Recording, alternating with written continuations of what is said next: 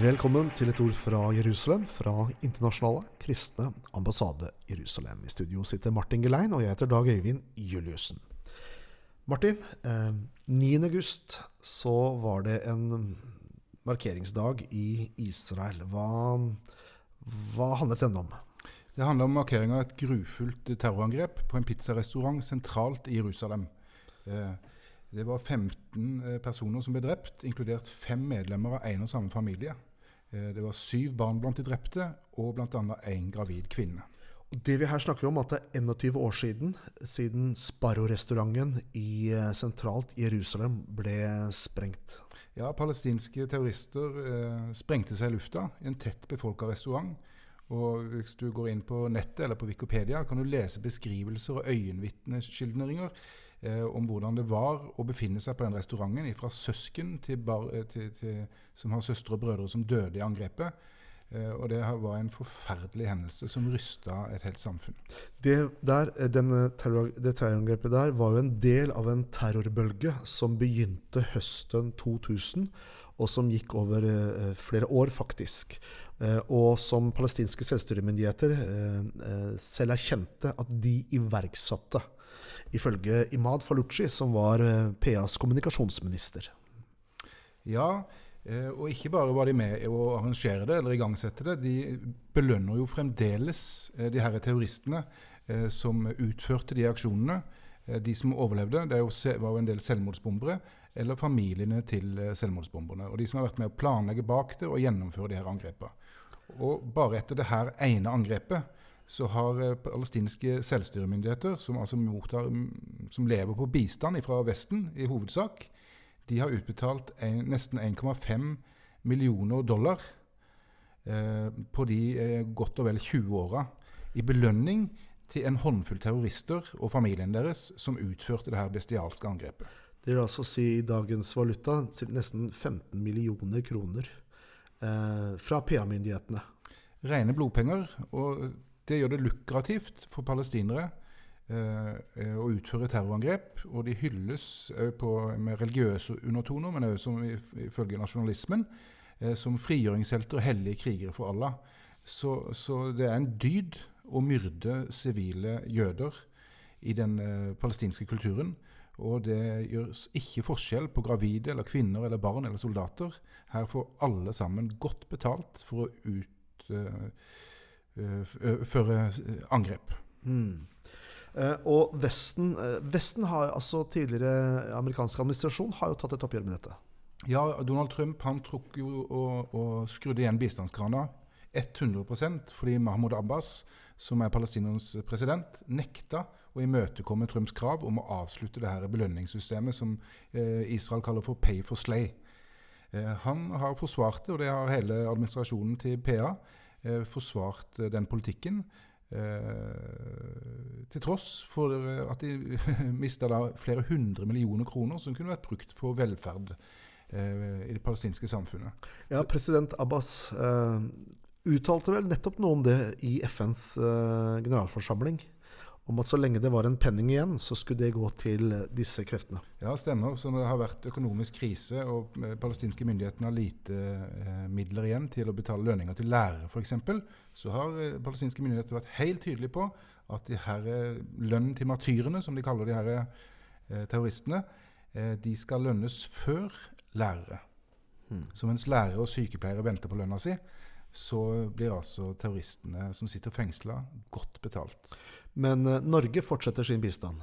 Ja, det er det som er bemerkelsesverdig. Uh, at uh, de vestlige nasjonene som jo er veldig tidlig til å kritisere Israel, ofte uten skjellig grunn, de er unnfallende systematisk i forhold til å kritisere ikke bare terroristene, men òg palestinske myndigheter som oppmuntrer og støtter opp om terrorismen.